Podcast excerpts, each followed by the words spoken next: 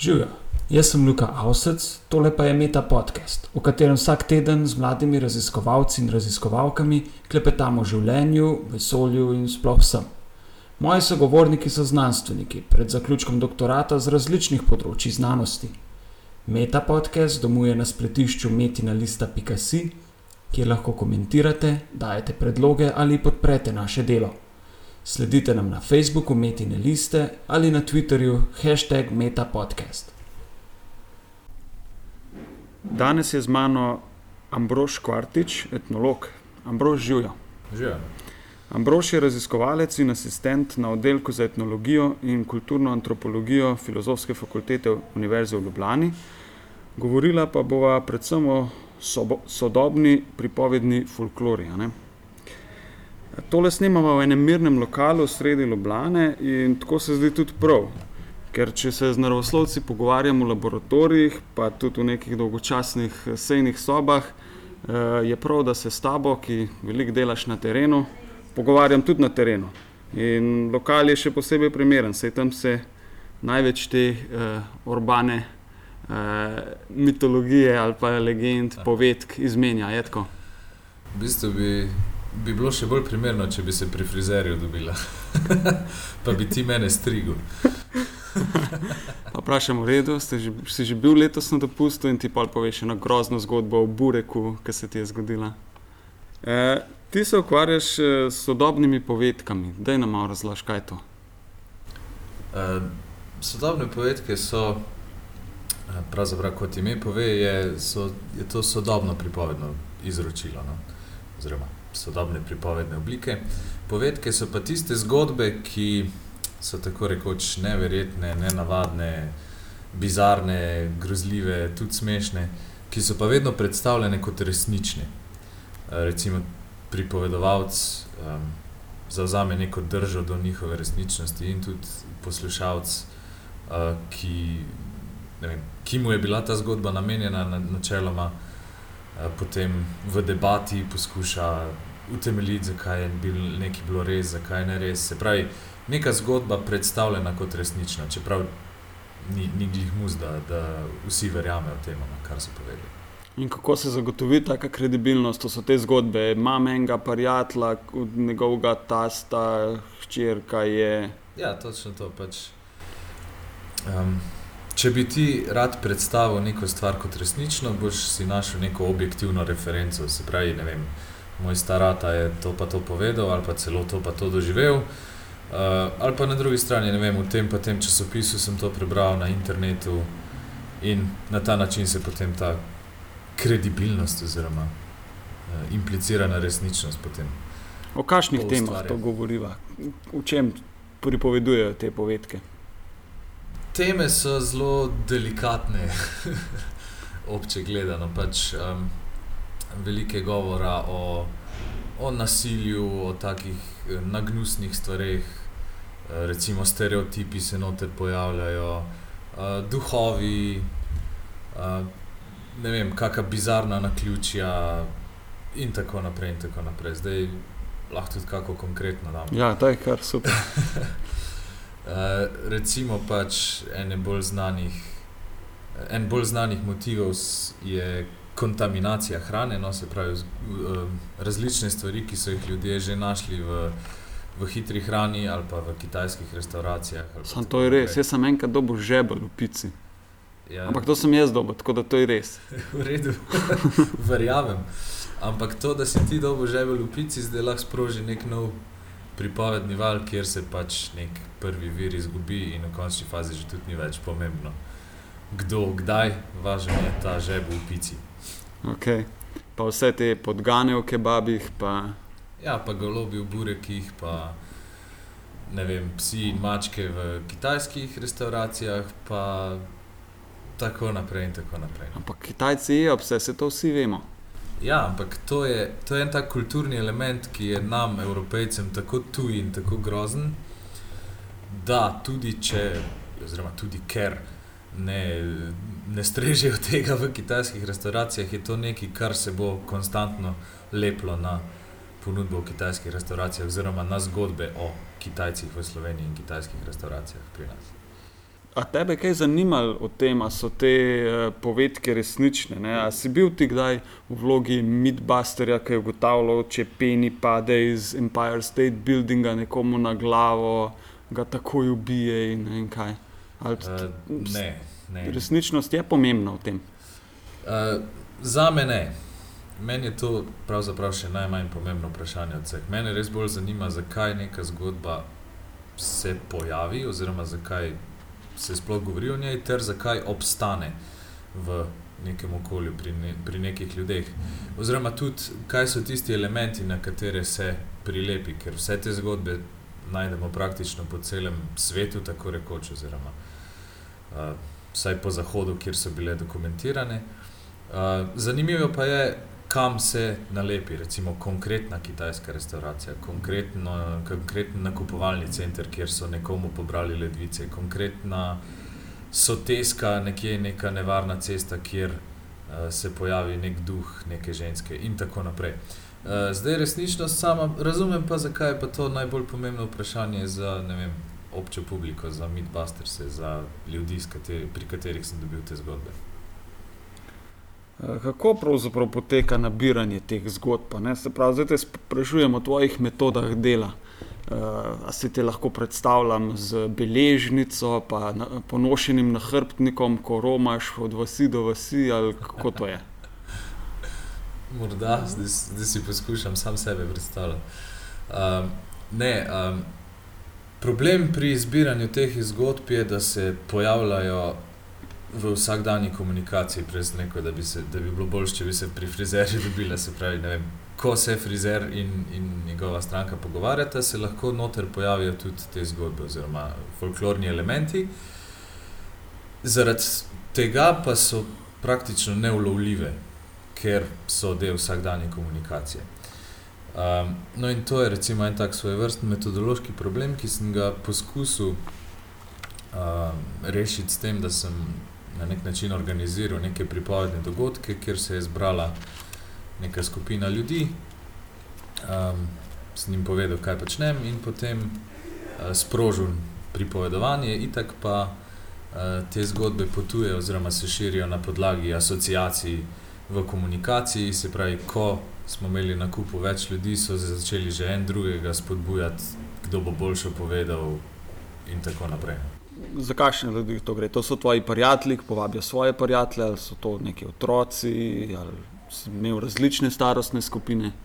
Mislim, različne starostne skupine, ker prav zaradi tega, ker, je, ker so te zgodbe del vsakdanje komunikacije, je pa res, da ob interpretaciji tega gradiva, oziroma po nekih interpretativnih vzorcih, no, vemo, da so te zgodbe pogostejše, oziroma močneje učinkujejo pri mlajših populacijah, eh, pri recimo najstnikih do študentov in tako naprej, ker je takrat neko bolj ranljivo obdobje, oziroma obdobje, ko se iščeš v svetu in zgodbe ponavadi spremljajo te, kaj rečem, težave, travme, ki jih to odraščanje prinaša. So pa seveda drugod tudi, recimo, uh, konkretno po mailih je pred kratkim no, začela krožiti neka, neka zgodba o um, Romunih na avtocesti, no, o tem, kako te ustavijo in ti ukradejo avto, in tako naprej. In to je pa pač praktično aktualno za vsakega, ki se srečuje z avtocesto. Se pravi, zato je eksplodiralo po mailu, ker smo vsi na nek način na poti. Se pravi, je to neka zgodba, ki odgovarja uh, širši populaciji, no, tistih, ki se vozijo, vozimo po avtocestah. To so dosta utrgane teme za znanost. Ne? To je neke zgodbe o burekih, pa o prikaznih, ki strašijo po nekih vaških cestah. E, Ponavadi si tako, e, vsaj jaz mogoče naivno antropologijo predstavljam kot e, e, tisto skrb za ohranjanje izročil. Vem, ljudje snemajo na magnetofon neke stare ljudske pevke e, in tako naprej, ampak tvoja tvoja zgodba je pa z druge strani. Ne? Ti si zbiral gradivo in gledal, kaj ti to gradivo pripoveduje. Ja, to, kar si omenil, je pač neka romantična predstava o delu etnologa pač, ali pa antropologa. No. Sej, zadnjič se spomnim, da me je en vprašal, ko sem povedal, da da študiram antropologijo, če sem že odkril kako novo pleme v, v Amazoniji. Tega ne počnemo, to, to je preživeto, to je, to je staro in zastarelo. Um, je pa pač vsak človeški fenomen, načina življenja, komunikacije, zanimiv za raziskovanje, seveda za nas. In ker so te teme utrgane, kot si rekel, sam, so, zato so tako bolj zanimive, vsaj za mene. No. Daj nam povej to zgodbo, kaj je to hudo luknjo, kako je, bilo, kako je s tem. pač huda luknja je ena soteska, no, za krasela. Uh, je nekaj vhodov v jame na poti iz Velenja proti Slovenki. In to je že itak v, v tradicionalnih predstavah, je tam pa se marsikaj dogajalo v mitološkem smislu, tam je vhod v pekel, tam so razbojniki plenili, tam se dogaja marsikaj. No, no in uh, tja se je prelepil tudi en motiv ene ženske, ki uh, bi umrla na tisti cesti ali kakorkoli, um, ki zdaj štopa, uh, za štopa dobiš štop, jo pobereš na štop. No, um, In potem čez nekaj časa iz avta izgine, pač, se pravi, duh ženske se prikazuje v tej hudi luknji. No, in to je ena tako zdaj zanimiva lokalna geografija, oziroma lokalna točka, kamor se je ta motiv prilepil. Ta motiv je sicer znan po celem svetu. No, Ni tu nič posebnega. Po celem svetu imamo ženske, ki štopajo in potem izpuhtijo. Ja, res je. Mislim, po primerjalni, po primerjalni eh, perspektivi, ali kaj naj rečem, no, je to moč najti vse posodno. In ta huda luknja je pa pač samo najbolj izpostavljen kraj v Sloveniji, ki jih je sicer še več. Že v Sloveniji jih je več. Že v Sloveniji se ta ženska marsikaj prikazuje. Ja. Ti si eh, v času svojega dela na filozofski fakulteti tudi poučeval, to vem iz zanesljivega vira, namreč na eh, portalu profesori.net imaš zavidljivo oceno 4,7 od 16 opisov. Ja, nevreten, čestitam ti za to. Kako ti je bilo poučevati? Super, mislim, krasna izkušnja. Uh, Veliko se naučiš o sebi, ko naenkrat, pač, ko, mora, ko imaš pred seboj uh, 30 ljudi ali kar koli že. Um, ne vem, delo z ljudmi, javno nastopanje, no tudi predvsem uh, izbrusiš. In kot študenti, pač eni bolj sodelujo, eni manj, eni imajo bolj brihtne odgovore od drugih v, v končnih izdelkih, ampak v končni fazi je bila to samo pozitivna izkušnja no, za mene, za življenje. Kje si se še učil? Vem, da si bil v tujini nekaj časa. Uh, ja, tekom doktorskega študija sem šel uh, v Estonijo za daljše obdobje. Uh, sem se priključil nekemu njihovemu programu, to ni bil splošni program evropske mobilnosti, ampak pač prav njihov um, program tega oddelka v Estoniji, v Tartuju, uh, kjer je prav oddelek za primerjalno in estonsko folkloristiko, se pravi posvečen oddelek, ki preučuje in zbira samo pripovedno gradivo. In to je bila tudi super izkušnja. No. Je bilo tam bili, je bilo veliko mednarodnih študentov? Ja, se zelo spodbuja to pač bili so Indijci, Američani, en tak center no, v Evropi so, so tam v Estoniji naredili za, za folkloristiko oziroma za, za študij pripovednega izročila, no, sodobnih in tradicijskih, kakorkoli. Vidim, da si po tvoji bibliografiji na Kobisu, da si bil večkrat tam tudi predaval na konferencah. Predaval na oddelku, veliko sem hodil po konferencah, pač spada zraven. No. Zanimivo je te baltske države, da imajo tak uh, poudarek na folkloristiki. Je, to, to je taka znanstvena tradicija. No. Finska in Estonija sta sploh močni v tem ogromni arhivi eh, zbranega gradiva, še iz časov romantike, ko je, še pač, ko je bila potreba po ohranjanju in um, zapisovanju še toliko večja oziroma neka težnja, neka manifest no, po, po zbiranju. Uh, in od takrat naprej se pač vleče to in, in so res močni. No. Pa zgodbe, ki jih ti preneseš na tako konferenco, zanimajo druge ljudi, gre za nekaj tipično slovenskega, kar ljudi zanima, ali najdete neke vzorce, povezave uh, tudi na različnih uh, geografskih lokacijah. Ja, seveda, mislim, te zgodbe so pravzaprav so material, ki, ki prehaja meje in pravzaprav se ni, si jih noben ne more in ne sme lastiti, ker jih najdemo vse posod po celem svetu. Um, zanimivo je, recimo, oziroma tudi zelo plodno je priti na konferenco z nekim naborom zgodb in jih potem predstaviti, ker dobiš nazaj primerjalno gradivo od ljudi, ki te poslušajo. In to je, to je zelo, zelo uporabno no, tudi za, za nadaljevanje študija. Je pa tvoj doprinos, je, so pa tisti interpretativni detajli, ki, ki jih sam dodaš, pač, ker zgodba ja, je razširjena po vsem svetu, ampak dejstvo, da se je prelepla pa na neko specifično lokacijo, na nek, bom spet rekel, specifično kitajsko restauracijo, kakorkoli, je pa tisto, kar je, kar je zanimivo za, za vedo, za folkloristiko kot tako. In tu je pa, tu je pa doprinos vsakega posameznika. Deva za konec, uh, jaz če skozi par nerelevantnih, nepovezanih in globoko osebnih vprašanj, da te še malo spoznamo. Uh, povej mi, mogoče za začetek, katere znane ali pa neznane, uh, nam neznane osebe bi imel na večerji, če bi lahko povabil kogarkoli. To je zelo težko vprašanje, ker jih je ogromno. Pravzaprav bi verjetno organiziral en, eno, eno tako večerjo, malo večjo, za več ljudi, kamor bi, kamor bi kakega igralca povabil, pa kakega Mika Jaggerja. okay. Njega bi posedel skupaj z, z Johnom Lennonom, pa da vidimo. Okay, Imáš mm, kakšne teme, poleg znanosti, ki se ti zdijo še posebej zanimive?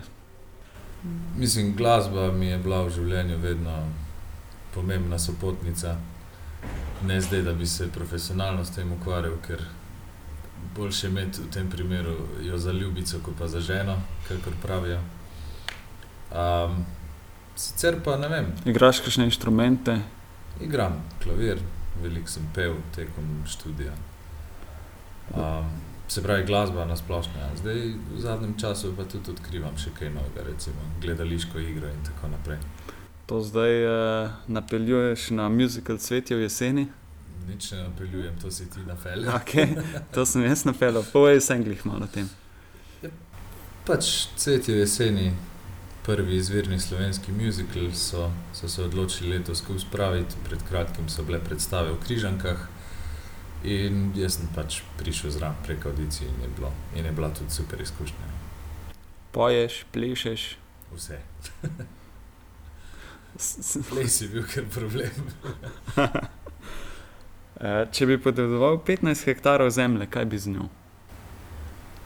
Ja, najprej bi se en fajn vrt naredil uh,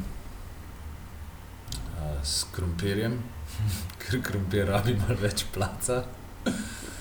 Pa bi pa v bistvu, to, to, to večkrat pomislim, da v bistvu, če bi imel na voljo veliko prostora, bi naredil en filmski studio oziroma nek open air filmske prostore. Recimo. Kaj bi snimal? Pa vse sorte. V bistvu, ja, vse sorte, une preganjanja s konji, recimo, če že res imam 15 hektarjev. kje se vidiš čez 5 let, pa kje čez mogoče 40 let? Oh, to je pa lažje odgovoriti, če 40, pač nekje na enem no. balkonu v hribih, z eno knjigo v roki. To, ja, to je čisti ideal. Čez pet let pa, puf, s knjigo v roki na enem balkonu v mestu. kaj je tacga, kar si na zadnje prebral, nevezano na tvoje znanstveno delo? Zadnja knjiga je, bila, uh, je bil Orwell 1984. Uh, sem pa v Zagrebu sem bil pred kratkim uh, in pač čist neobvezno turistično in sem šel na, na ta letni kino, uh, ki ga imajo za stojen za Zagrebčane, super stvar. In, in je bil pač nek dokumentarc, Looking for Sugar Man. Sem rekel, redo, cajt manj grem gledat, nisem vedel, kaj grem gledat. In sem pač doživel eno krasno filmsko izkušnjo in pač priporočam ta film tudi vsem ostalim. No. Imaš kakšno najljubšo spletno stran, ki nam jo lahko predlagaš? Zdaj ne vem, če je najljubša enako največkrat uporabljena. Recimo, da je, to bi bila pol. Je, ja, jaz ogromno uporabljam Facebook tudi v raziskovalne namene. Ti si eden redkih ljudi, ki lahko v službi legalno eh, uporabljajo Facebook, vsi ostali se moramo skrivati. S, s čimer si pravkar priznal, da si to delal. Ne, kaj, kaj počneš na Facebooku? A je to nabiranje zgodb, take stvari lahko poteka tudi prek teh socialnih omrežij? Ja, seveda, sej Facebook je samo ena od oblik sodobnega pripovedovanja, oziroma en kanal, kjer te stvari eh, potujejo. Spet je itak zgubljeno v džungli vse ostale komunikacije, ampak na enak način kot en takle običajen pogovor se tudi na Facebooku pojavljajo te stvari. Kako se primerja mogoče tak dogodek, ki si ga prej opisal, da zbereš prijatelje, popijete eno pivo in začnejo pripovedovati zgodbe o Bureku, v primerjavi z vem, delom na Facebooku? Aj, gre za razli so kakšne razlike bistvene, ali tam lahko mogoče bolj sediš pa opazuješ na Facebooku, tam Ne, je mogoče razlike dogodek seveda manj avtentičen. Pač. Ampak tu je bolj vprašanje fenomena. Vse posod se pojavlja zgodba in tvoja naloga kot raziskovalec je pač, da si tam, ko se pojavi. In tu pa neke razlike ni. No. Še zadnje vprašanje za konec. Si želiš več prostega časa in kaj bi z njim? Kaj bi z njim? Jaz sej ga imam, pa ga nimam. Pač, povej mi, kaj je prosti čas in povem ti, če bi ga imel več. Ambrož Kvartič, hvala za pogovor. Hvala. Poslušali ste Meta podcast. Pohvale, pripombe in predloge za bodoče goste nam lahko posredujete tudi po e-mailu na znanostafnametina.si, sicer pa nas poiščite na Facebooku Metine liste in na Twitterju, kjer mene najdete kot @inlife, čivki v podkastu pa ima hashtag metapodcast. Vse oddaje s povezavami na domače branje so doma na spletnem portalu metinalista.si, kjer lahko ta projekt tudi finančno podprete. Hvala in naslišanje prihodnjič.